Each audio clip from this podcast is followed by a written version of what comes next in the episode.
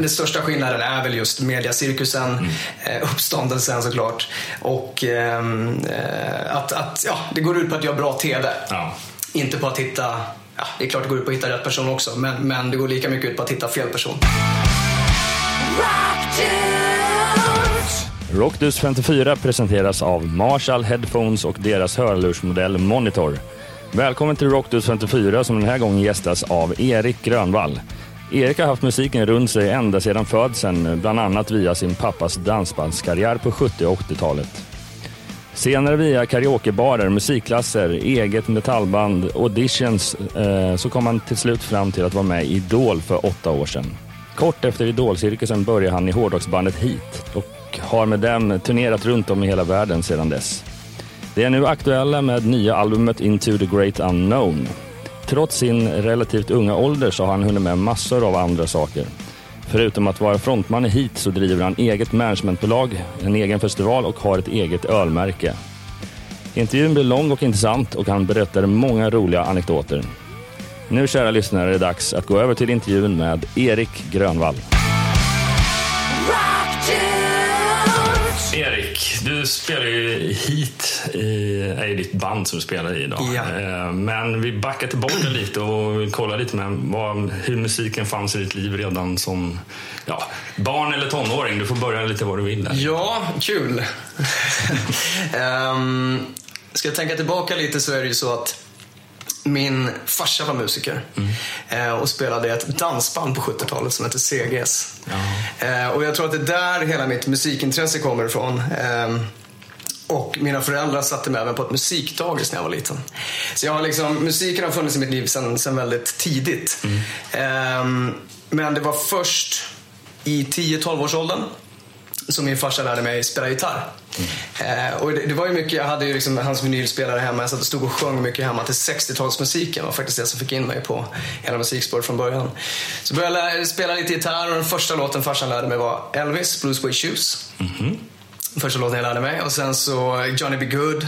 Eh, och jag kommer ihåg tidigt att, att jag upptäckte, det var ju väldigt, väldigt kul att spela gitarr. Men jag upptäckte också att det var en fantastisk brudmagnet att kunna spela gitarr. Ja, vilket ja. gjorde det lite roligare. Så när, när, när, mina kompisar fick moppe vid 15 års så ville jag också ha det. Frågade jag farsan, fan kan inte jag också få moppe? Mm. Nej, varför inte? Du kan Johnny B. Good, eller så, varför inte? Nej, du, du, det, du kan ju spela gitarr. Ja, men mina kompisar har ju moppe. Ja, men de kan inte spela Johnny B. Good på gitarr. Mm. Det, det var svaret. Sen, okej, okay, men jag återgår väl till gitarr liksom. Så att jag har väl hela tiden i familjen blivit triggad till att, eh, till att spela. Kraftigt eh, uppmuntrad kanske? Ja, precis. Och sen så blev ju gymnasiet. Då gick jag på, på musikinriktning. Mm. Kom in på gitarr. Upptäckte att det fanns mycket bättre gitarrister än vad jag var. Så jag började sjunga istället mm. mera. Eh, gjorde We Will Rock You-musikalen i skolan som ett projekt. Mm. Eh, och sen så blev det ju hela Idolsvängen och hitsvängen och eh, ja, så musik har ju funnits med hela tiden i stort sett. Så om man, om man tänker efter lite grann, du skulle kunna egentligen blivit ett motocross-proffs om du hade tagit den banan? Ja. Eller? Nej, jag tror inte jag hade tyckt att det var lika kul. Ah. Det är kul. Kanske inte lika mycket. Nej, de sålde sina, de sålde sina mopeder efter ett år eller ja. sånt där. Jag hade kvar min gitarr i alla fall. Ja, det gick i alla fall till bra med musiken med tanke på allt som har hänt. Så pappa har nu ganska mycket att säga till om, eller Tacka honom. Ja, precis. Ja, men så är det ju. Man får ju tacka. Och även, alltså, hela familjen, syrran spelar ju piano också. Så där, så att, men jag, jag, tror att just um, musikintresset kom från farsan faktiskt. Men kan man, kan man säga att du har kommit längst då eftersom du kommer från en musikalisk familj, karriärsmässigt? Ja, det skulle jag säga. Men ifall du frågar farsan så säger nog han att nej, vi hade de här listorna på Svensktoppen och vi var störst, Aha. skulle han säga. Ja. Mm. nej, ja, jag tror att han håller med om att... Kanske fysiskt sett sålda skivor, kan det skilja sig? Eller? Ja, då har han nog sålt mer. Ja. Med tanke på hur fysisk försäljning ser ut. Ja. Exakt. Coolt. Men som du pratade om det, Idol där. Du, eh, först trodde jag bara att du hade varit med den där svängen när du gick hela vägen. Men sen läste jag att du försökte komma med i, ytterligare några år tidigare. Ja, ofrivilligt. Ja, ofrivilligt eh, faktiskt. Ja. För då hade jag, i gymnasiet startade jag mitt första metalband. Och då körde vi liksom Pantera, Slayer covers. Det var liksom trash metal på ett mm. sätt. Eh, men även lite så här Mötley Crüe, 80s rock liksom. Eh, och så kom, jag hade musiken då i skolan och så öppnas dörren och så står det ett tv-team utanför. Mm. Och då har min syster anmält mig i smyg. Man kan ju så kidnappa folk till ett år. Ja, ja. Eh, så då kom jag med Och tänkt, alltså jag var ju väldigt, väldigt kluven då. Fan ska jag göra här? Är det här rätt liksom? Jag, jag var ju metal. Vad fan ska jag göra Idol? Jag hade ju snackat skit om Idol fram tills dess liksom. eh, som ett dåligt program. Eh, som var okreddigt och sådär. Men sen så blev väl övertalad där av familjen att, att hoppa med. Eh, och eh, jag gick in halvhjärtat. Mm. Så att jag med all rätt åkte jag ut. Mm. För jag hade påtryckningar från bandet jag var i också. Äh, fan, du kan inte göra Idol. Så att det var väldigt, så här, väldigt kluven till vad jag skulle göra. Mm. Körde, åkte ut i andra audition tror jag. Mm. Det, var liksom, det, var, det blir sådär när man går in halvhjärtat för något. Ja. behöver liksom vara helt 100% fokuserad. Men eh, sen hände ju någonting att du kom med igen då.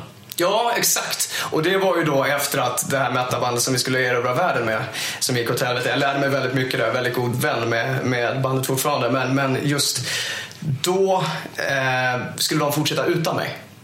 Så jag blev lite kickad där. Mm -hmm. eh, det finns alltid två sidor av ett mynt, men skitsamma. Det är min sida nu. Jag blev kickad. ja. Har du chansen och möjligheten ja, exakt. allt. Ja, precis. Eh, och då, ska vi se, var det då? Ja, men då försökte jag lite solo, satt och skrev lite låtar hemma och sådär. Eh, försök, alltså jag visste att det var musik jag skulle göra. Det fanns ju inget annat för mig liksom. Eh, och så jobbade jag som karaokevärd under den här perioden. Mm -hmm. Vilket gör att jag får öva mycket. Mm. Stå och sjunga mycket inför tomma lokaler. Liksom. Det var ju det. Eh, och min, min, karaoke, min chef som ägde hela karaoke-stället eh, skickade in i smyg, filmade mig en gång på fyllan när jag sjöng Somebody to Love av Queen. Stod där på Gröna Jägaren faktiskt. Stod jag och sjöng då. Eh, och eh, skickade in i smyg, laddade upp det på någon så här, eh, ja, audition-sida på Idol på Idols hemsida. Mm. Eh, och de ringer upp mig någon dag. Mm. Så tjena, vi har sett ett klipp här. Vi undrar om du skulle vilja komma på en audition. Och då var det här igen. Okej, okay. ska jag gå med en gång till? Jag åkte ut förra gången. Ska jag åka ut en gång till? Hur var det med karriären? Två misslyckade idolförsök. Alltså, ja. man börjar tänka direkt. Sen var det så här, nej. Jag får alltså, jag slipper stå i kön. Mm som alla andra står. Det finns hur många som helst som kämpar för att komma in där. Jag får åka in på ett bananskal. Nej, nu kör jag. Mm. Och så tog jag en av de låtarna som jag hade övat på mest på karaoke och det var Skid Row 8 in a Life. Liksom. Men var det samma jury som innan som kände igen dig från första omgången? Nej, det var, det var en ny jury faktiskt. Okay. Men, men ja, TV4 hade ju koll såklart. Eh, så det fanns ju liksom gamla klipp och sådär. Och hela storyn blev ju att ja, då gick det inte så bra, men nu är du tillbaka och mm. sådär. Så det var en liten fördel ändå med tanke på att det är en helt ny jury, men ändå har TV4 koll på som vill ändå köra en gång till? Ja, precis. Så då måste vi ändå sett någonting i det. Sen har vi sig, vad var det, två år emellan? Eller så. Ja, precis. 2007 var först. Ja, exakt. Ja. Två år. Ja, exakt. Mm. Det har väl hänt någonting där, däremellan? Ja, det, precis. Men jag, jobbade, jag försökte ju liksom emellan där försökte jag komma in på Wallmans, blev nekad tre gånger. eh, gjorde liksom tre auditions däremellan och försökte hitta olika vägar. Eh, men, men eftersom, alltså så här, man får så många chanser att ta sig framåt. Mm. Eh, och jag tyckte jag hade provat ganska mycket. Och sen så kommer det här. Här har du, varsågod. Mm. Kom på audition. Ja, fan, det är bara Men du som ändå gjort en del audition utöver Idol, vad skulle du säga att det är de stora skillnaderna bortsett från att det är kameror som spelar in det? Men tv-grejen är väldigt ja. annorlunda. För att det man ser på tv är inte det som är det verkliga. För det finns ju olika steg. Jag har förstått det som. Först går man till en, en annan jury utanför. Ja, det har jag hört. Jag slapp ju den eftersom jag gick direkt. Men jag har förstått det också att den juryn tar då fram det som de, det som är riktigt bra mm. och de som kanske inte är så bra som gör bra TV. Mm. Eh, tar skickar dem vidare. Mm. Eh, och sen så kommer det liksom stora. Men den största skillnaden är väl just mediacirkusen, mm. eh, uppståndelsen såklart. Och ehm, eh, att, att ja, det går ut på att göra bra TV. Ja. Inte på att hitta Ja, det är klart det går ut på att hitta rätt person också, men, men det går lika mycket ut på att hitta fel person. Precis. Så det är bra TV helt enkelt. Eh, men så länge man är fine med det och accepterar den grejen mm. så, så, tar man det för vad det är och går in. Men det var ju en grej, vi kanske kommer senare i frågorna, men det var ju en grej man märkte efter Idol. Det var ju att, okej, okay, så här många gillar mig för att jag har varit med i TV så här många gillar mig för min musik. Mm. Och då var det nästan börja bygga på nytt igen. Mm. För det är ju en artistkarriär man vill bygga, inte en TV, eller för mig var det i alla fall, inte en TV-karriär. Så att det var väldigt påtagligt efteråt. Framförallt du som eh, kanske ville vara i den ja, mer rock och hårdrocksgenren. Jag vet inte om det... Ja, Fransmässigt så har man väl ganska eh, dålig syn på sådana här typer av program.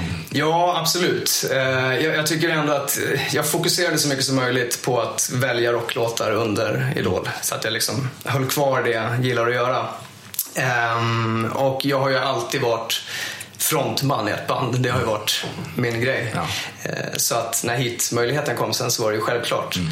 Uh, så att, uh, ja, nej men det är klart. Det, jag vill behålla rocken så mycket som möjligt. Det är det jag gillar. Vilka stora ja, erfarenheter, eller bra erfarenheter, fick du med dig från cirkusen i sig? Fick du lära dig någonting av ja, musikbranschen jag... i sig så att säga? Nej, jag skulle säga så här. Musikbranschen fick jag lära mig av efteråt. Mm. Jag skulle komma till det också, det här med att jag ville fokusera på rock även mm. efteråt. Det var ju att eh, när vi höll på att spela in första soloplattan med mig, när vi skulle göra eget material, kommer jag ihåg att då hade jag en dialog med skivbolaget. Det var nästan så att vi avbröt hela processen mm. för att jag började tveka på låtarna och sådär. Mm. Men till slut körde vi ändå och sen så kom vi ju hit. Men, men det största, alltså det jag har lärt mig, det är ju under Idol så var jag så jäkla, så, man, man kastas in i en mediacirkus och var så jäkla mån vara alla till lags hela tiden. Mm. Så att jag tror att, och efteråt, många som, som kände mig innan och som träffade mig efteråt av mina närmsta vänner tycker att jag har blivit mer känslokall. Mm. Eh, så. Jag tror det bara handlar om mer skinn på näsan. Mm. Eh, och att, ja, eh, det jag har lärt mig är att det är okej okay att säga nej tack. Nej. Det är okej okay att säga jag är inte intresserad. Mm. Istället för att hela tiden, ja men det gör vi, det gör vi. Även journalister som var eh, riktigt otrevliga tyckte jag. Mm. Var jag ändå trevlig. Alltså idag hade det bara varit fuck off. Mm. Alltså, för jag har, jag har inget behov av alltså, förstår vad jag menar? Ja, ja. Jag har inget behov av det. Uh, så det, det är någonting som jag verkligen lärt mig. Sen så musikbranschen, det fick man ju lära sig mer efteråt. Ja. Själva offentligheten då, hur är det att ta till sig? Är det jobbigt? Kan man gå ut någonting? Eller? I början, jag tror att det går lite så här. I början är det jävligt kul. Åh fan, man är igenkänd. Oh, det är så här det känns att vara offentlig. Mm. Sen så kommer det, ah, okej, okay, det är så här det känns att vara offentlig. När, när det börjar privatliv och sådär. Det är det jag tycker är så jävla kul med, med internationella tidningar när man gör intervjuer nu med hit. Mm. Det är ju bara musikfokus. Mm. Och det är därför man gör det. Mm. För man kunde sitta i en intervju efter en, inför en release Um, ingen tidningar nämnda, men ni förstår nog de största. Mm. uh, och så sitter man och pratar en halvtimme om musiken och hur man har spelat in plattan. Sen kommer den där lilla frågan på slutet. Jag är ju kvällsjournalist också. Ah. Du vet, alltså, och det blir ju hela artikeln. Och då, är jag liksom, då ser jag det så här, okej, okay, har du wasted 30 minuter av min tid på, på den artikeln? Mm. Fuck off. Mm. Ja, min tid är dyr liksom. Uh, så att uh, lite, offentligheten är kul för det mesta. Men, men jag är ju inte offentlig för offentlighet för att vara offentlig utan jag är offentlig för att jag gör någonting som förhoppningsvis människor tycker om. Eh, musiken. Och det är där jag vill att fokus ska ligga. För är, det, är det fortfarande så nu när du gick 45 minuter? Någon som hejar till och bara vänta nu, det här är, vad fan gör du här? Och så. Ja, alltså nu, nu för tiden är det ibland, det är väldigt, väldigt sällan de kommer fram för, ja, är inte du som är med Idol? Mm. För jag ser lite annorlunda ut. För du har, är det för, på tal om skägget då eller? Är det, ja, är det med lite tatueringar och lite annan hår. Alltså, det med flit eller är det så här... Nej, nej, nej, nej. Det är ju bara att alltså, under Idol så körde jag på en stil som jag gillade då. Mm. Så att det är ju, det är ju bara, jag tror att det, det blir äldre och hittar nya stilar och sådär. Men, men nu för tiden är det med att folk kommer fram, fan är inte du som är med hit? Mm. Och det är ju tusen gånger bättre tycker jag. Ja, det, är, det här, känd från TV eller känd för musiken. Ja. Jag vill vara känd för musiken. Ja. Liksom. Men den själva öppningen med Hit, kom det på grund av att du um, gick via Idolspåret och hela den biten? Att de hörde av sig eller? Ja, det, det, alltså, det gav ju något väldigt bra Idol-grejen. Och det var ju just att Hit, Hit hade ju sett auditions eh, och följt lite. Eh, och när Kenny hoppade av så träffade faktiskt Jimmy då, eh, basisten i bandet, på en Dan Reed-konsert. Eh, och eh, de, det var lite skum stämning för jag hade hört att de skulle börja pitcha mot mig. Jag tror båda visste om vad, vad samtalet gick ut på men, men ingen sa det rakt ut. Sen, eh, vi stod och snackade lite och sen så någon vecka senare kom det ner två hitskivor i min brevlåda. Mm -hmm. Och sen kom frågan om om, först om jag ville hoppa in för Kenny på Gröna Lund mm. och köra ett stand-in-gig. Och då tackade jag nej till det för då hade jag min egen, eh, mina egna sommarfestival, eller sommarspelningar och sådär. Eh, men sen så kom då frågan, vill du gå med i hit? Mm. Eh, ja tack. Ja, exakt. Hur kändes det inombords? Ja, men alltså, som, som, all, som alla val man ställs sig för så behöver man göra en övervägning. Ja. eller en avvägning. alltså är, är, är så, var, var kan jag komma med solokarriären? Mm. Vad är planen där? Mm. Vad kan jag eh, komma med hit-grejen? Vad vill jag göra? Vad tycker jag är roligast? Och då var det så, okej, okay, spela i band, ett, roligast. Mm. Frontman i ett rockband, kul. Skriva musik man gillar, kul. Alltså, och till slut så var det bara, okej, okay, eh, hit. Mm. Eh, och då jag kommer ihåg, det var väldigt kul för att jag hade ju samma management då som Europe. Mm. Jag har kvar samma management. Och eh, då eh, började Joey Tempest vara väldigt positiv till, till att jag skulle gå med hit och det gjorde ju, det var ju ett till plus. Lite enklare ja, lite Så att, ja, nej, det, var ju, det var ju ett enkelt val i efterhand sådär. Men var du ett hitfan innan då? Så här, lyssnade jättemycket, gick på nej, spelningar? Nej. Du kände knappt till dem eller? Kände till dem för ja. Mello, Thousand Miles liksom. Men, men sen när jag började lyssna då tyckte jag att det var riktigt bra. Mm. Men, men ingenting jag hade lyssnat på innan mm. så faktiskt. Vet du varför Kenny hoppade av då? Alltså, har vi något alltså, jag, jag, tror kort och gott att han bara tröttnade. Ja. För det måste ju varit rätt säkert också. Mello-grejen är ju säkert samma, lika ja, hysteriskt eh, offentligt Exakt. som, som att vara med i Idol. Men hit är ju ett, ett rullande maskineri, alltså nästan på gränsen på Idol också. De menar typ att det är hela infrastrukturen utomlands. Nu ska jag den här turnén, de datumen, pang, okej. Okay. Så att det är mer gubbar involverat runt om dig också. Så att du är ganska van vid det kan man ju tänka sig. Ja, alltså du tänker just med, med hit. Eh, mm. Ja, absolut. Um, det, det finns ju det är lite som du säger, ett maskineri. När man trycker på start så kör det igång och alla gör sin, sin del i, i, i verksamheten mm. på ett sätt. Eh, nu håller vi på att planera nästa turné och det är, liksom, det är Europaturnén och sen har vi Sverigedatumen och, eh, Europaturnén blir offentlig på måndag förhoppningsvis. Mm. Gör du bara hit då eller har du sologrejer också vid sidan av? parallellt? Uh, nej, jag gör... Alltså, jag har gjort lite akustiska gigs här emellan i breaket. Mm. Eh, när vi tog, ett, vi tog ett break på två år för att mm. fokusera på att skriva och få lite perspektiv i livet och sådär. Och då har jag gjort någon spelning akustisk i Spanien och Italien och sådär. Eh, det blir ju lite PR hit slash Grönvall mm. slash hit. För att, men det är ju bara hitlåtar i stort sett jag kör. Och det är ju hitfansen som kommer. Det finns ju, det är ju hitfans i de länderna, det är inte Erik Grönvall-fans. Så att, ja, använder, använder den marknaden lite. Så. Två års break. Ja, då, då är man nog stor om man bara får för sig att nu ska vi ta en break på två år, så nu tar det lugnt. Ja, nej, men det var ett jätte, alltså det var, det var ett stort beslut för vi hade ju, vi hade ju väldigt bra turnéer och det gick, vi tyckte att det gick väldigt bra för oss eh, med plattorna och sådär. Vi tyckte vi fick större venues att spela på och ja, bättre gager. Eh, kunde finansiera turnéer själva, inget tour support som du vet som jag på skivbolaget. det vill man gärna lägga ut. ja. Ett lån för alla som lyssnar. Ja. Ett lån. Exakt. Uh, så att det, det, var ju lite häftigt att se att för varje turné vi gjorde så, så hade vi möjlighet att finansiera det själva. Mm. Men sen så någonstans så det var faktiskt jag som kände mest att fan, vi, vi, vänta, nu behöver vi stoppa här och se vad är det vi gör, vart är vi på väg, vad är planen, vad är målet? En liten ventilering mm. i stort sett. Uh, och så tog vi det och bestämde oss att på ett år inte turnera. Och sen så plocka upp, det här datumet börjar vi skriva låtar, då tar vi möte och då kör vi igång allting igen. Eh, och det var, jag tror att alla kan hålla med om att det var väldigt bra mm. och ett moget beslut att, att våga ta det där breaket. För det är många som har eh, som har hittat lite egna affärsidéer i det här som, som inte bara är beroende, alltså inte är hit fokus. Eh, Jonas producerar, jag har startat mitt management. Eh, det finns massa sådana här, några har börjat plugga grejer som de alltid har velat plugga. Mm. Så det var nyttigt för alla, alla växte lite i det. Precis. Och nu finns det en hunger som aldrig har funnits. Alltså nu, nu är det ju liksom, vi vill döda liksom. Mm. så att det, det var aldrig någon oro då, typ två år, ganska lång tid. Typ, men fan, kommer det vara samma grej när vi väl kommer tillbaka in i reporna och kör de här låtarna igen? Eller med tanke på, som du säger, det är många viljor. Någon kör studier, någon kör management som du själv. Och... Mm. Ja, och framförallt när vi kommer tillbaka första datumet och vi alla ses och vår gitarrist Eric Rivers säger det här breaket har varit väldigt bra för mig, jag fortsätter med det. Ursäkta kära lyssnare, men vi skulle vilja presentera det här avsnittets sponsor som är Marshall Headphones och deras hörlursmodell Monitor. Marshall Monitor Bluetooth kombinerar både det klassiska hifi-ljudet med Bluetooth aptX-teknik. Allt för att ge dig över 30 timmars exceptionell ljudkvalitet på en enda laddning. Monitor Bluetooths ergonomiska over-ear-konstruktion ger dig en överlägsen ljudisolering och en perfekt musikupplevelse. Den ligger lätt över öronen även efter många timmars lyssnande.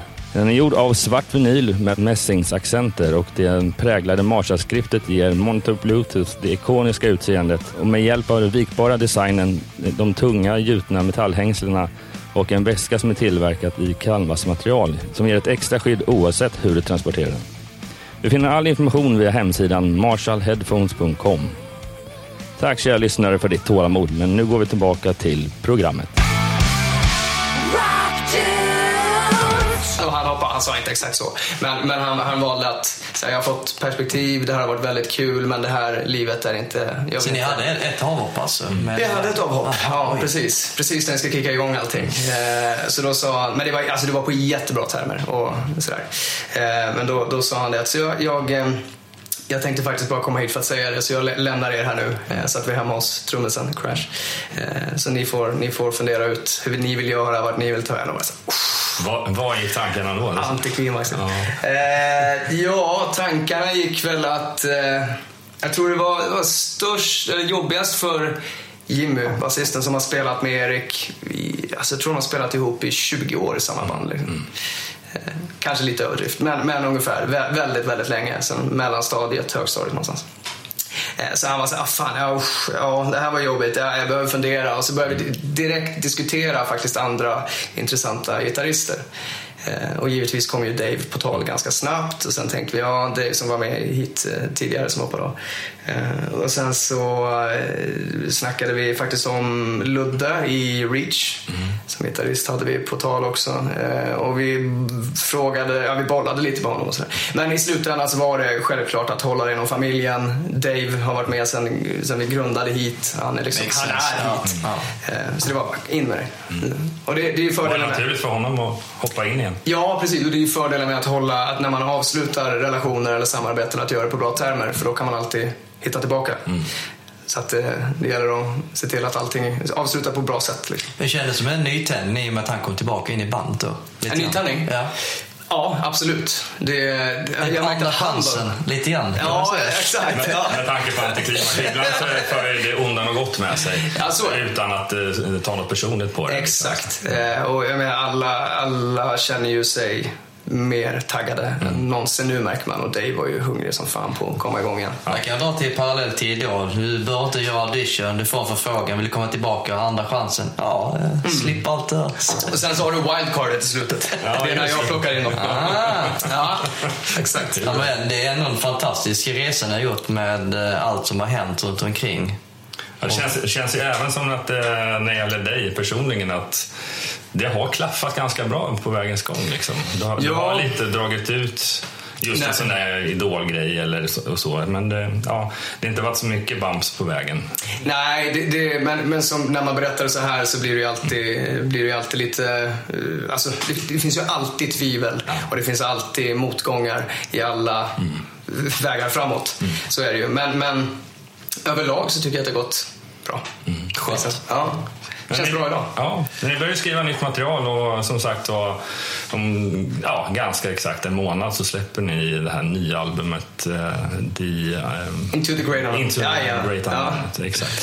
Eh, ni spelar in den på ett ganska speciellt ställe i världen. Ni spelar inte in den i Sverige om jag förstått rätt. Nej, Nej. vi spelar in den i Thailand. Ja.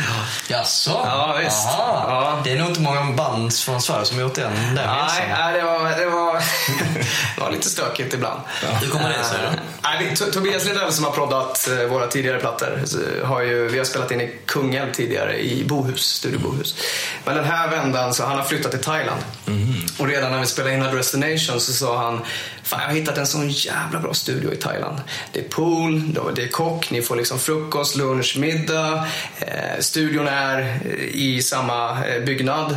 Så det var i stort sett, vi, vi bodde på övervåningen, hade köket på nedervåningen, poolen utanför. Och så var det liksom inramat också, så vi hade en nattvakt som alltså det var... I, ba- I Bangkok eller? Ja, två timmar utanför Bangkok, en halvtimme från Pattaya. Den staden, mm. djävulens näste. Dit, dit åkte vi två gånger. Kan säga att vi började inte spela in på morgonen efter de kvällarna. Mycket Nej. AC. Ja? Mycket AC. Ja. No recording before Ja, lite Stökigt. mycket Singai. Ja, trevligt. Ja. Men eh, alltså, jag har ingen direkt erfarenhet av studios i Thailand. Alltså om man jämför med det här hemma. Är det en helt annan grej med utrustning, top notch eller förutom klimatet i sig är ju underbart. Men... Jag kan ju inte tala för någon annan studio än just den, men, men den studion var ju top notch. Okej. Eh, verkligen. Alltså det var, det var, har ni varit i Bohusstudion i Kungälv? Nej, jag tror nej, inte var. nej, men det var lika bra, om inte bättre. Det finns ju inte den kvar tyvärr. Nej. Eh, riktigt bra. Det är faktiskt en britt som heter Chris Craker som har byggt den. Som, har, som flyttade till Thailand. Han var VD på Sony Music tidigare. i- Eller VD, jo, VD, ja, skitsamma. Så, don't quote me on it. Men, men var högt uppsatt på Sony. Flyttade dit, byggde den där studion och eh, ja, drar dit band. Ja. Eh, tror att det var Bullet for my Valentine som var där och spelade in innan oss. Eh, så att det är många som åker dit. Karma Sound Studios heter Det de. måste ändå vara mycket rockband då. Ja, men måste ändå så här Ja. perfekt någonstans. Det blir lite som eh, att ha semester samtidigt som att spela Ja, in ja, också. ja, Så men det var, det var grymt. Alltså verkligen. Och eh, vi kan verkligen rekommendera band att åka dit. Ja. Det är ju inte så stor kostnad egentligen. Nej. Ifall man jämför med vad det kostar att spela in i Sverige med allt vad det innebär. Hur, länge- hur länge var ni då? Två veckor. Åh jävlar, det gick ju snabbt i sådana fall. Två Ja, men vi, vi, eh, vi la faktiskt hälften av sången i Sverige. För att eh, vi lär oss aldrig det här att lägga upp schemat så att man orkar sjunga. att vi kör, okej nu har vi fem dagar kvar för tio låtar. och så nöter man sång så till slut är det bara, det är kört. Då kanske det kan öppna upp nya möjligheter i Thailand. Ja. Spelningsmässigt, med tanke på att studion där och säkert massa fina kontakter. Ja, ja visst. Har ni lirat i Thailand innan ni är hit? Nej, det har vi aldrig gjort. Men vi drog ut till Pattaya på nätterna där och så brukade vi, vi startade en kapning av band. så band som stod och körde covers där och så gick vi så här, fan kan inte vi få prova att spela? Och så körde vi AC/DC och 18 Alive och började kapa. Så jag tror vi kapade tre olika band på en kväll. Liksom. Nu tar vi det här bandet. det var både kul och kanske lite elakt. Finns det många rockers där ute då? Ser man väl gå ut på stan som fan, det här är ju lite metallare och hårdrockare. Nej, nej, det skulle jag inte säga. Det, det, men ändå, när man lyssnar på banden som spelas var det ju rockcovers som körde. Eh, Men nu har ju Spotify kommit till Thailand också. Kanske... Det är intressant med allt Ja. Går på, har öppnat upp fler mer sådana. Han har Alltså, spelat någonstans i Asien. Ja, Japan har vi spelat i. Och vi har ju kört en Kina-turné också. Som vi sa att det gör vi aldrig om. Nej. ja, vadå? Nej, det var... Det var vi hade väl- alltså tajt turnéschema. Eh, Kina är ganska stort. Så jag tror vi snittade på 70 mil restid om dagen. Eh, och eh, det, var, det var första gången jag fick ställa in ett gig för att jag, jag, jag, var, jag var helt slut. Ja. Det var, vi, du vet, vi skötte, det var inte att vi var ute och festade varje kväll heller, utan vi, vi skötte sömnen. Men det var så lite sömn om nätterna, nu ska vi till nästa stad. Kan sitta och åka i en stad i sju mil och fortfarande bara se stad. Det är så enormt stort. Eh, och sen så är det ju en väldigt, väldigt liten del. Kina har ju varit väldigt stängt. Eh, så jag tror rockmusiken kom till Kina på 80-90-talet någon gång. Kan nog stämma. Ja. Ja, eh, och eh, när vi spelade så, så var det någon som kom fram och sa, fan sa han, I like Mötley Crüe. Eh, pop jazz. Eller så här, att det var liksom popjazz. eller- Alltså det, det, och när vi körde en Led Zeppelin-cover i setet så visste inte någon vad- vilka Led Zeppelin var. Det, var det var inte därför vi sa att vi aldrig skulle åka dit. Det är ju ett, faktiskt ett incitament att göra det och utbilda. Men, men just den här restiden och att det, var, det är så jäkla stort. Men Hur lång är en sån turné då i Kina? Ja, då körde vi, jag tror vi körde 12 dagar och vi hade 10 datum. Oj. Oj. Eh, Och då kan man tänka att två dagar är till vila, men det var ju också jetlag, restid. Så det, var, det var slitigt. Ja. Men får, alltså så här, vi ska aldrig säga aldrig. Får vi, får vi ett, ett bra Schema. E- ja, schema, exakt. Erbjudande så. Då kan man åka tillbaka. Men just där och då sa vi aldrig mer. Men förutom restid och allting, alltså fansen i sig, dyker det folk på spelningarna? Jättemycket i Kina så. Förlåt, vad sa du? Spelningarna i sig, kommer det massa fans då? Nej, i Kina var det ju, alltså det var att börja på ruta ett. Det var det? Ja. Eh, Men det var några som kom fram och hade från Idol-tiden så här, Higher och tyckte det var roligt. Och Jaha. lite Erik Grönvall-publik. Det var lite kul, jag fick min avräkning från från Sony här nyligen och då stod det faktiskt att Kina var det land som jag hade mest streams i. mest intäkter från Fan, Kina. vad lustigt, alltså. Det är ja, det är väldigt, väldigt märkligt. ändå. Så Kina ligger ett på min liksom, royalty-lista. och sen så Sverige trea tror jag. Jag sitter och tänker på att eh, Kina är ganska mycket bootleg, men den marknaden börjar komma i- Ja, igång med exakt. Alibaba och hela den biten. De har så skivbolag. Så spännande marknad och det är ändå över en miljard människor. Ja, exakt. Eh, men om man eh, kollar på hit och sen utanför Sverige. Ni är ju, ger ju oftast iväg på ganska stora turnéer mm. förr i tiden. Men vilka länder är det ni är som störst? Vet man det? Eller? Jag skulle säga då England, mm. Tyskland, men nummer ett faktiskt Spanien. Ja. Spanien är, det är riktigt bra. Där har vi störst venues också. Mm. Sist vi spelade där tror jag vi på, på eget gig sålde 900 biljetter. Mm. 800-900 biljetter. Och det är ju, det är ju verkligen en, en Ja, det kanske är svårt för, för de som lyssnar som inte riktigt vet hur svårt det är att sälja 100 biljetter. Mm. Men, men att, att komma till den nivån eh, där man på eget gig kan dra så mycket folk, mm. det är en milstolpe liksom. Mm.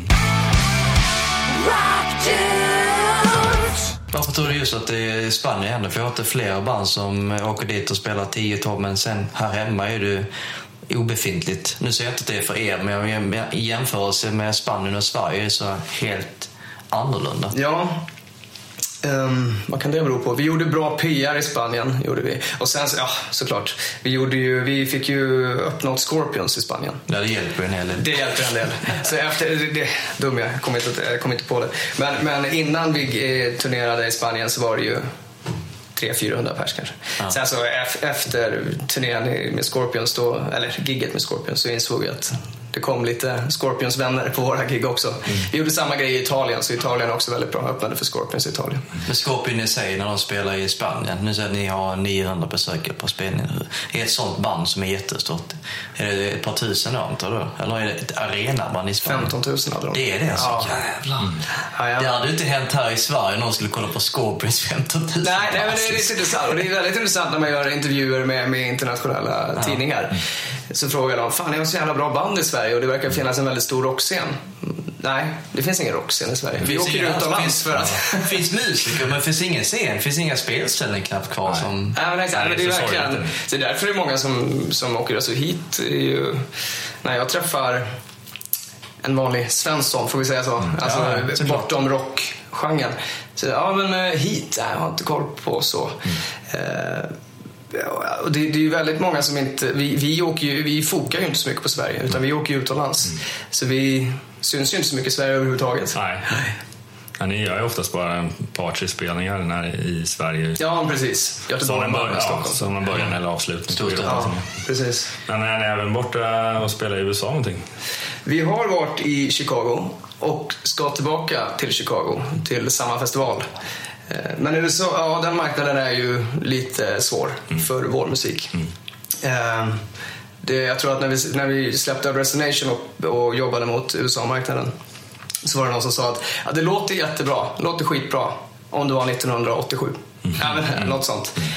Och nu har ju vi tagit oss mycket, ett stort kliv ifrån just det soundet. Men, men det är fortfarande en, en stor marknad och svår marknad att slå sig in på. Ja, så att eh, det har blivit de, de två, ja nu i maj då ska vi tillbaka.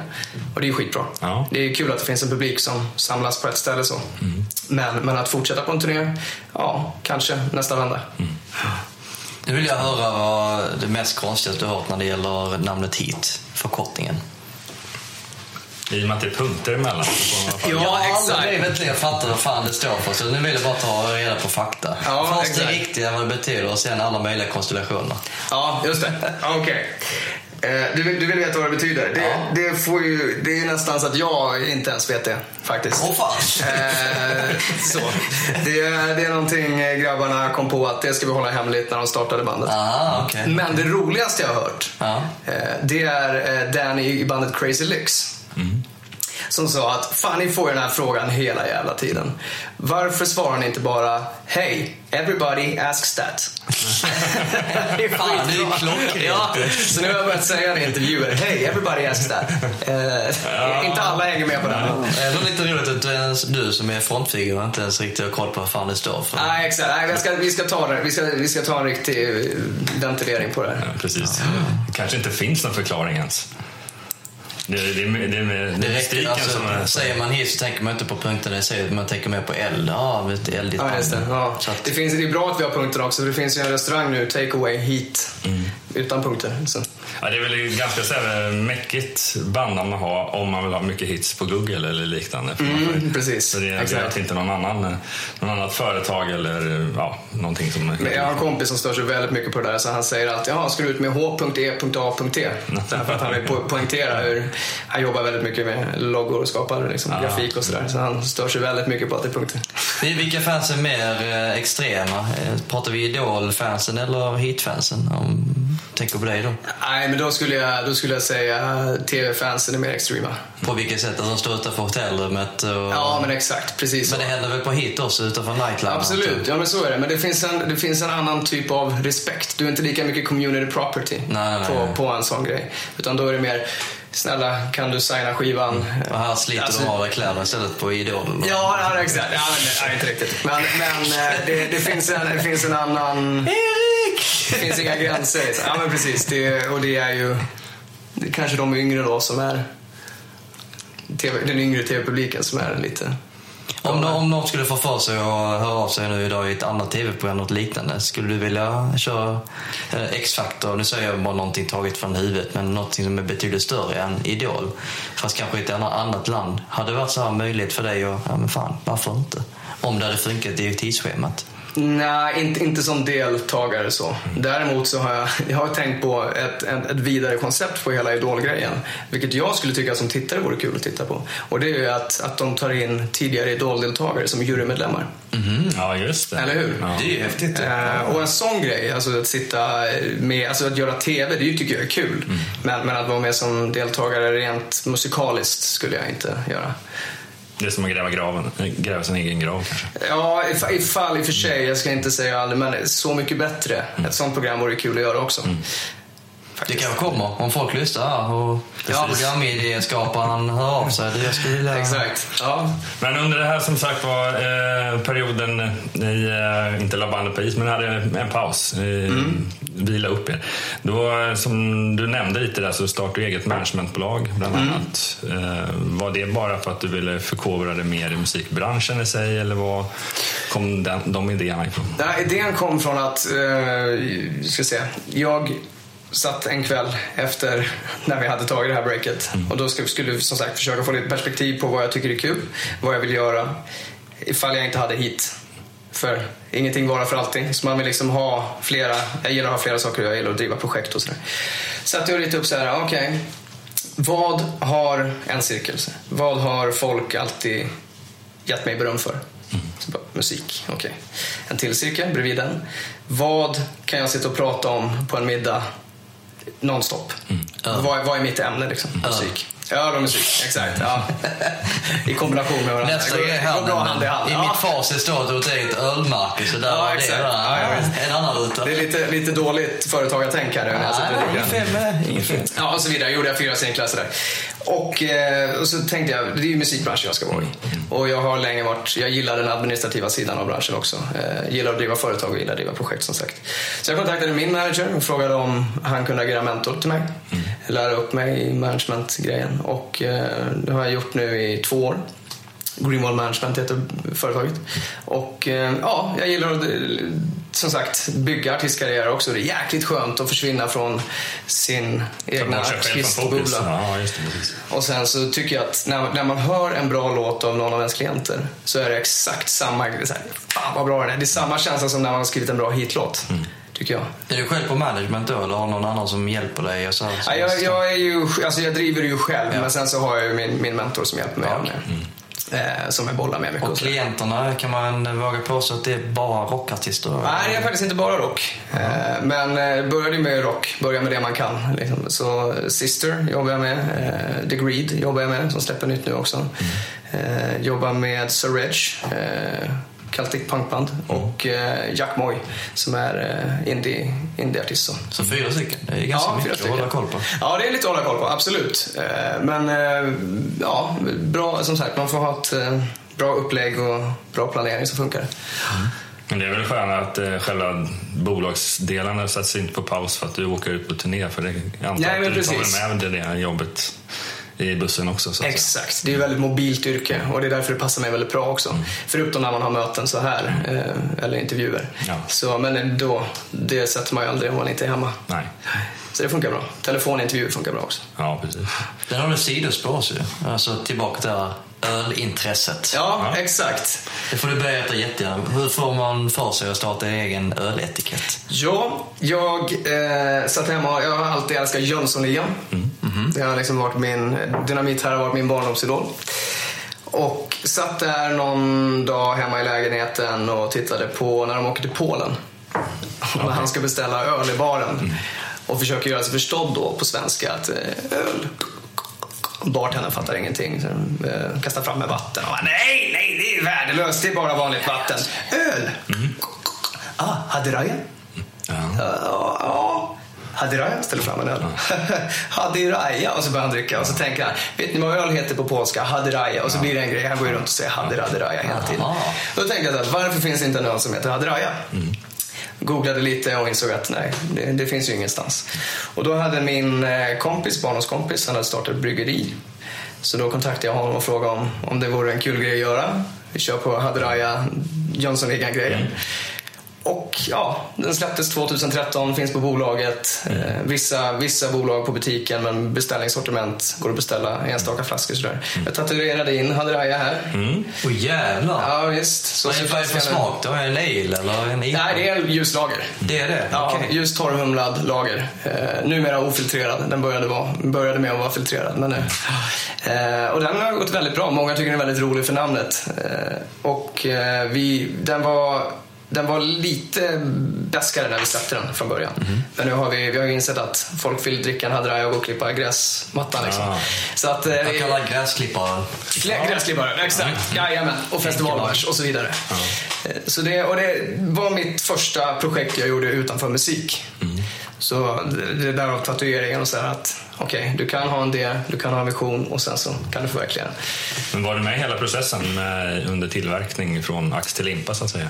Nej, alltså inte, inte själva bryggeriprocessen, Nej. men jag var med och tog fram smaken. Vi hade ju, det var ju väldigt intressant när, när min värld möter bryggerivärlden och de sitter, de har liksom en, en bunker som de sitter och spottar ut ölen i och jag tänker, vad fan vi ska väl dricka upp ölen?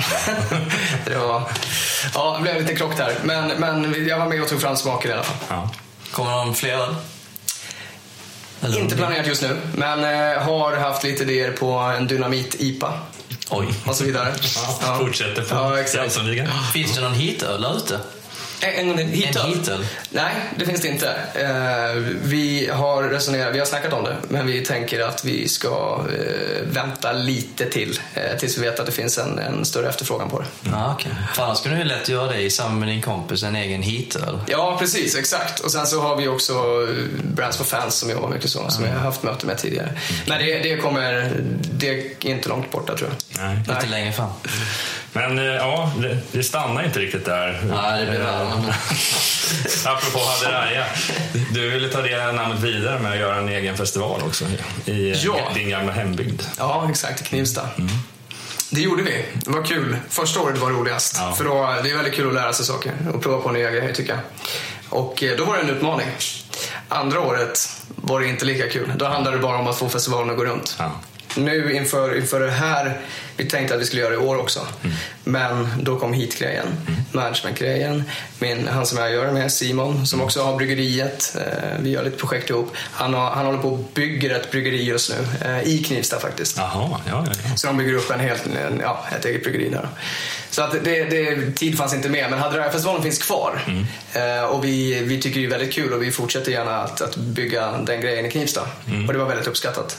Ja, för det är, det är så få festivaler för att eh, jag har ju passat på att vara där själv med min familj två gånger och det är just det att det är en festival som är lite för alla åldrar. Ja, exakt, eh, precis. Så framförallt på dagen kan man vara där med, även med småbarn och hela familjen så att säga. Ja. Och sen blir det lite mera dans, festligt på kvällarna. Ja, ja precis.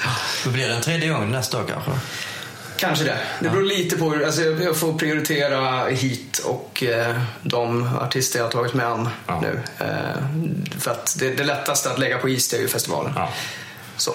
Precis, men eh, Simon där, din, eh, en av dina partners där i mm. festivalen. Eh, vad jag har sett så har ni varit ute och rest runt i Sverige och föreläst en del. Ja, det har vi också gjort. Ja. ja. Eh, vad har vi, det handlat om? Det har handlat om företagande och företagsamhet. Mm. Så vi har tillsammans med, vi, vi, har dragit ihop ett koncept som, som Svenskt Näringsliv då står bakom. Eh, där vi har varit ute i gymnasieskolor och eh, föreläst om företagande och företagsamhet. Taglinen på hela föreläsningen är How to create a life I don't need a vacation from. Mm. Så att man ska göra grejer som man tycker är kul. Vi berättar om eh, ja, men, skatt i samhället, hur det funkar, var pengarna kommer ifrån och hela, ja, ifall de vill ha bättre datorer och så vidare i skolan. Eh, kommer från företagen, vi har skatteintäkter och så vidare. Så att vi, vi är ute och utbildar och inspirerar kan man säga. Mm. Eh, vilket vi nu håller på att diskutera att även fortsätta i höst. Så det kan bli ganska intensivt med den turnén och hit-turnén. Men, mm. men det går att... Det är kul. Vi har jättekul. Mm. Vi har jätteroligt. Och vi märker att, att eleverna tycker att det är väldigt intressant också och att vi faktiskt gör nytta. Eh, och då... Ja, dels med dig, att du är med säkert, men det är även bara epitetet att det är yngre människor som kommer ut och pratar och inspirerar. För det är oftast gamla stötar som har 40 års erfarenhet av någonting som är ute och gör de här föreläsningarna många gånger. Så att, eh, jo men precis, så det blir, vi blandar in lite musik. Nej, jag är inte ute. Det finns, det, finns, det finns en hel del i musikbranschen som gör utbildningar. Vi har haft eh, några stycken tidiga gäster. Du tycker om att prata. Ja, jo, men man måste ju ha ett...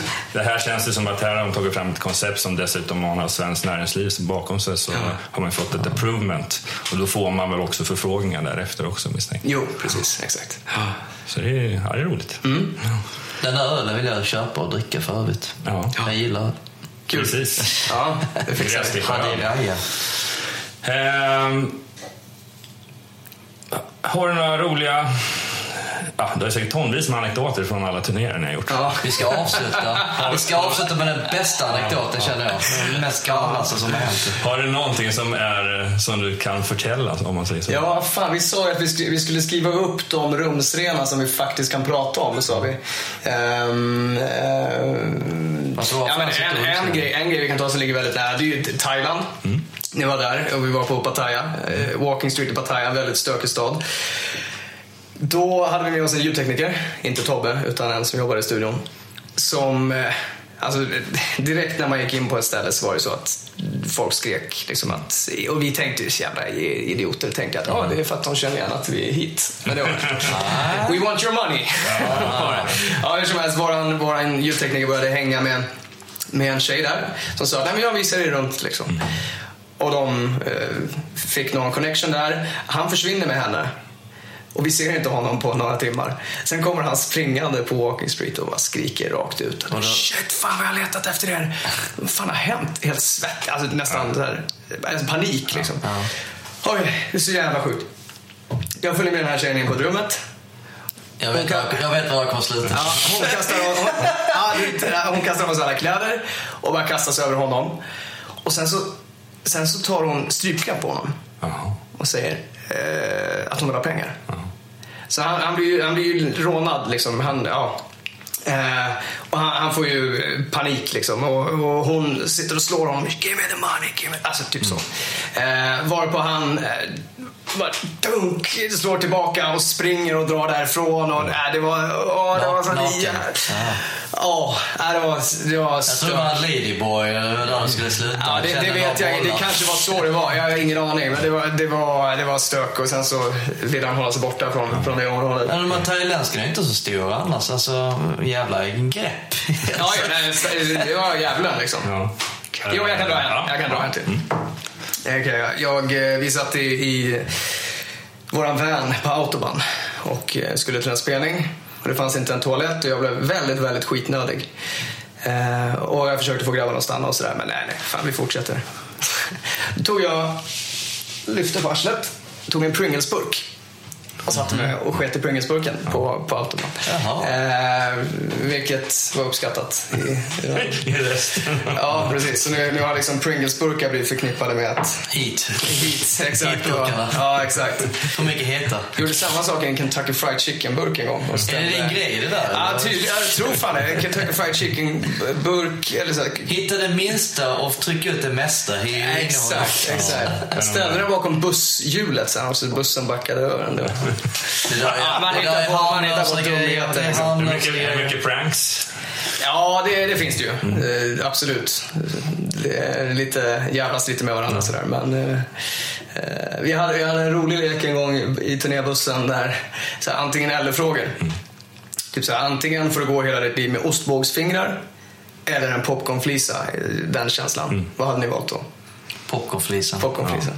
Ja, okej. Och så höll man på sådär och så skulle man hela tiden överträffa den Ja, andra. Men Hur kommer man på de här grejerna? Antingen popcorn i truten eller eh, det är första jag kommer tänka på måste jag nästan. Jaha. Nej, man, har, man har jävligt tråkigt liksom. Ja. Det är, Det är också mycket fascinerande. dödtid. Det är sådana namn upptäcker typ ens eh, egenskaper. Men hur fan kom du på det? Nej men jag har spärrat upp ögonen och nu är jag den som spär upp mest. Guinness världsrekordsboken och sådär. Alla möjliga konstiga ja, ja, grejer. Men, men, Kan men, du testa att göra med dina polare? Ja, det går inte. Ja, det, det, jag skulle, det jag skulle komma till, det var att eh, den som drog den värsta då, jag tror fan att det var Crash, som, som bara dödar hela stämningen i bussen och säger så här: okej, den här då. Spänning, spänning. Ni får varje dag för resten av era liv, ni är tvungna att titta på när era föräldrar har sex. Eller hoppa med en gång och bli av med det. Eller, eller Eller hoppa med en gång och bli av med det. Den är mörk. Den är mycket, Ja, jag sa den är inte, jag mycket sa inte den här frågan, men det var kul att veta vad alla andra tyckte i bandet. Nej, det blev helt tyst. Alltså, det var ju ingen som kunde... Innan var det så här, ja, ja, popcornflisa liksom. Ja, sko i stenen. Sen Men det, det där känns ju inte som en non-win-win situation. Det är bara värdelöst. Ja, ja. Vad är det minst dåliga? ja, det var Ja, jag inte har svara ett på det. level, så Ja, det insåg jag kanske det, men det, det är sånt som ställer en på en spets och bara får jävlas. "Ha, Vad du än säger kommer jag vinna på det här. Och jag kommer inte säga vad svaret är. Nej, exakt. Nej, det var... Nej, fy fan. Nej, det var... Så att sånt håller vi på med. Nu är det dags för musiktopplistan som den här gången är signerad Erik Grönvall. Han har valt fem stycken låtar som har betytt mycket för honom under hans liv fram till idag. Listan hittar du på vår hemsida och Spotify-profil rockdudes.se. vad börjar du med? Då börjar jag med 18 Alive, Skid Row. Som eh, på något sätt blev, blev startskottet för mig i min karriär i och med Idol och allting. Eh, så att den, den låten har alltid funnits med mig på något sätt. Och vi har ju kört en live med hit och den, ja, nej, men det, det är en låt som betyder mycket. Som jag också sjöng mycket under karaokekvällarna. Ja. Ja.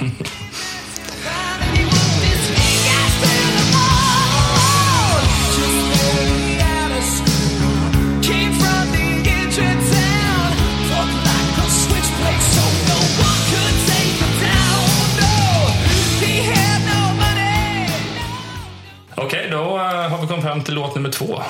Vad, Ja. vad tar vi från Skid Row och framåt? Ja, vi tar då eh, Procol Harum, eh, A Wider Shade of Pale. Eh, och den, den låten, det är en låt som varje gång jag hör den här jävla orgeln gå igång så, så får jag såna jävla rysningar. Jag kommer ihåg att farsan berättade för mig när jag var liten att han hade hört den här låten. Han hade jobbat, jag tror han jobbade med, as- som asfaltsläggare då någonting.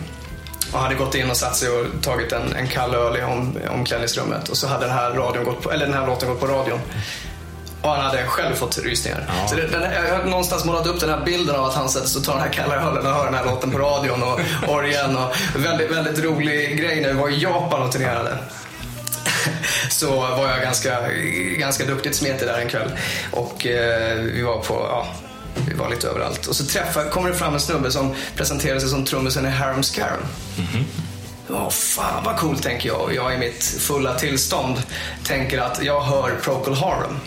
Ja, ja. Så jag bara, dude you're a fucking legend. well, I thought you were young, older. du vet. Och han blev ju skitglad och tänkte, åh fan han gillar Harum Scarum. Så jag tänkte att vi två skulle ju, vi börja snacka där och jag tänkte vi, vi drar vidare och festar vidare i Japan. Men då eh, knackade grabbarna mig på axeln och bara, vem, vem, vem är han? Trummis i Procol Harum. Nej. Nej. Harum Scarum. ja, lite kul så. Det är lätt. Men den låten i alla fall. As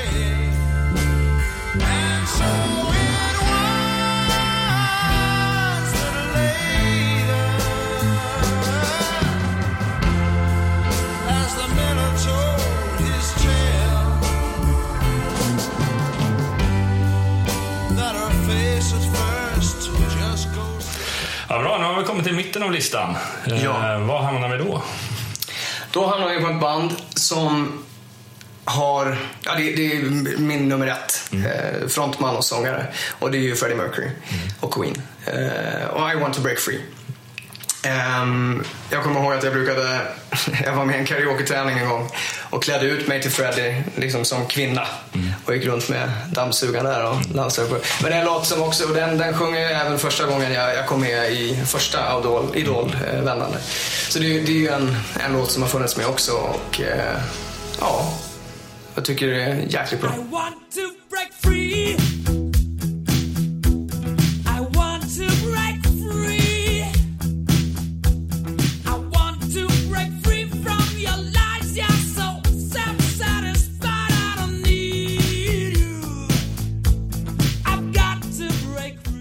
Då har vi kommit fram till låt nummer fyra och från en storsjungande Freddie Mercury, vad blir nästa? Då blir det Van Halen och eh, Panama. Som var, kommer ihåg, i gymnasiet. Jag eh, var väldigt eh, pop, alltså precis i samband med att jag gick med i det här metalbandet så var jag väldigt pop-inriktad. Och då träffade jag den här gitarristen i det här bandet som sa Fan, du kasta in de här på din MP3-spelare. Säg bara vad du tycker. Tänkte inte mer på det, kastade in det och sen så kommer jag ihåg hur jag är på väg till skolan och bara hör Panama. Och tänkte, fan vad bra det här är. Så det, det var på något låten som, som öppnade upp hela Ja, ja. rockkatalogen för mig. Eh, så den, den är viktig.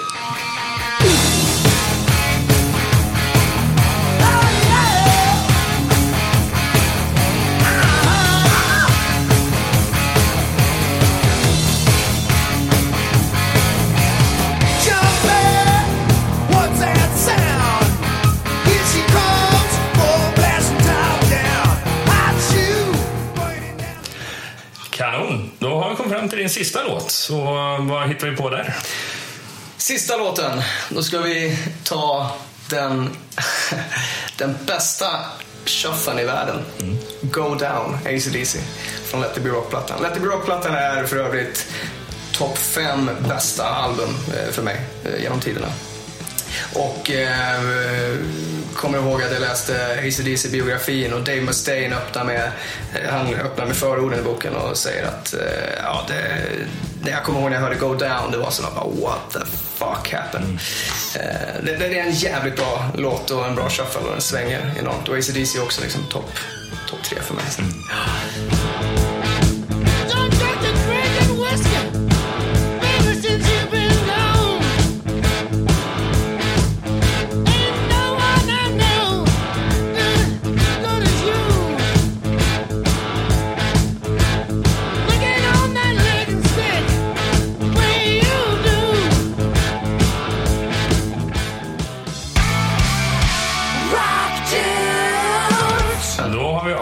avslutat topp fem här och eh, nu ska vi bara försöka summera det här programmet.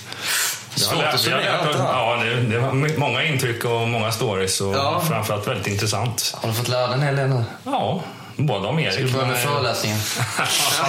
det kanske är det som är min grej. Kan han så kan jag! Ja, jag har jobbat med utbildning inom IT. Ja, jag tror det. Jag tror det. Men, Nej, men där, Erik, det var ett, ett stort nöje att ha dig här och höra allt om Idol som jag hade någorlunda dålig koll på, man ska säga okej, faktiskt. ja, det. Så att, eh, jag har tagit upp lite mer, men framförallt eh, hitsvängen och allt som bär därefter framöver. Det Så, var jättekul att vara här, vill jag säga också. Ja. Ja, ni, du tjatade på mig lite för att jag skulle komma hit. Ja. Eh, och det är ingenting mot det här. Det är bara det att jag, jag tycker det är så jävla tråkigt att prata om sig själv. Men här var det kul. Ja. för jag fick en öl också. ja, precis. Så eh, tack Bra för en... där. Ja. jag fyller på kylen nu med fler öl till Ja. nästa gäst. Så jag vill eh, tacka för en bra intervju. Ja, Det var tack, jättetrevligt. tack, tack. Town. Tack för att du har lyssnat på Rockdudes 54 som den här gången gästades av Erik Grönvall. Det är alltid kul när så erfarna människor vill dela med sig av sina erfarenheter till alla oss andra.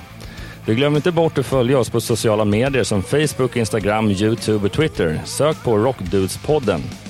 Skriv gärna lite vad du ty- tycker och tänker om just det här avsnittet eller vad du tycker om vår podcast. Du får gärna tipsa oss om framtida gäster också. Vi vill tacka vår sponsor Marshall Headphones och deras hörlursmodell Monitor. Du finner all information på marshallheadphones.com. Vignettmusiken är inspelad av Jonas Hermansson, Peter Månsson och Mia Coldheart. Programmet spelas in och redigerades av Jonas Löv och vi vill tacka just dig för att du har lyssnat på Rockdus 54 med mig Jonas Löv och Ömer Akai. Nästa avsnitt, Rockdus 55, det släpps om två veckor. Ja, vem är då gästen? Ja, det får du ha koll på via våra sociala medier. Fram tills dess, rock on!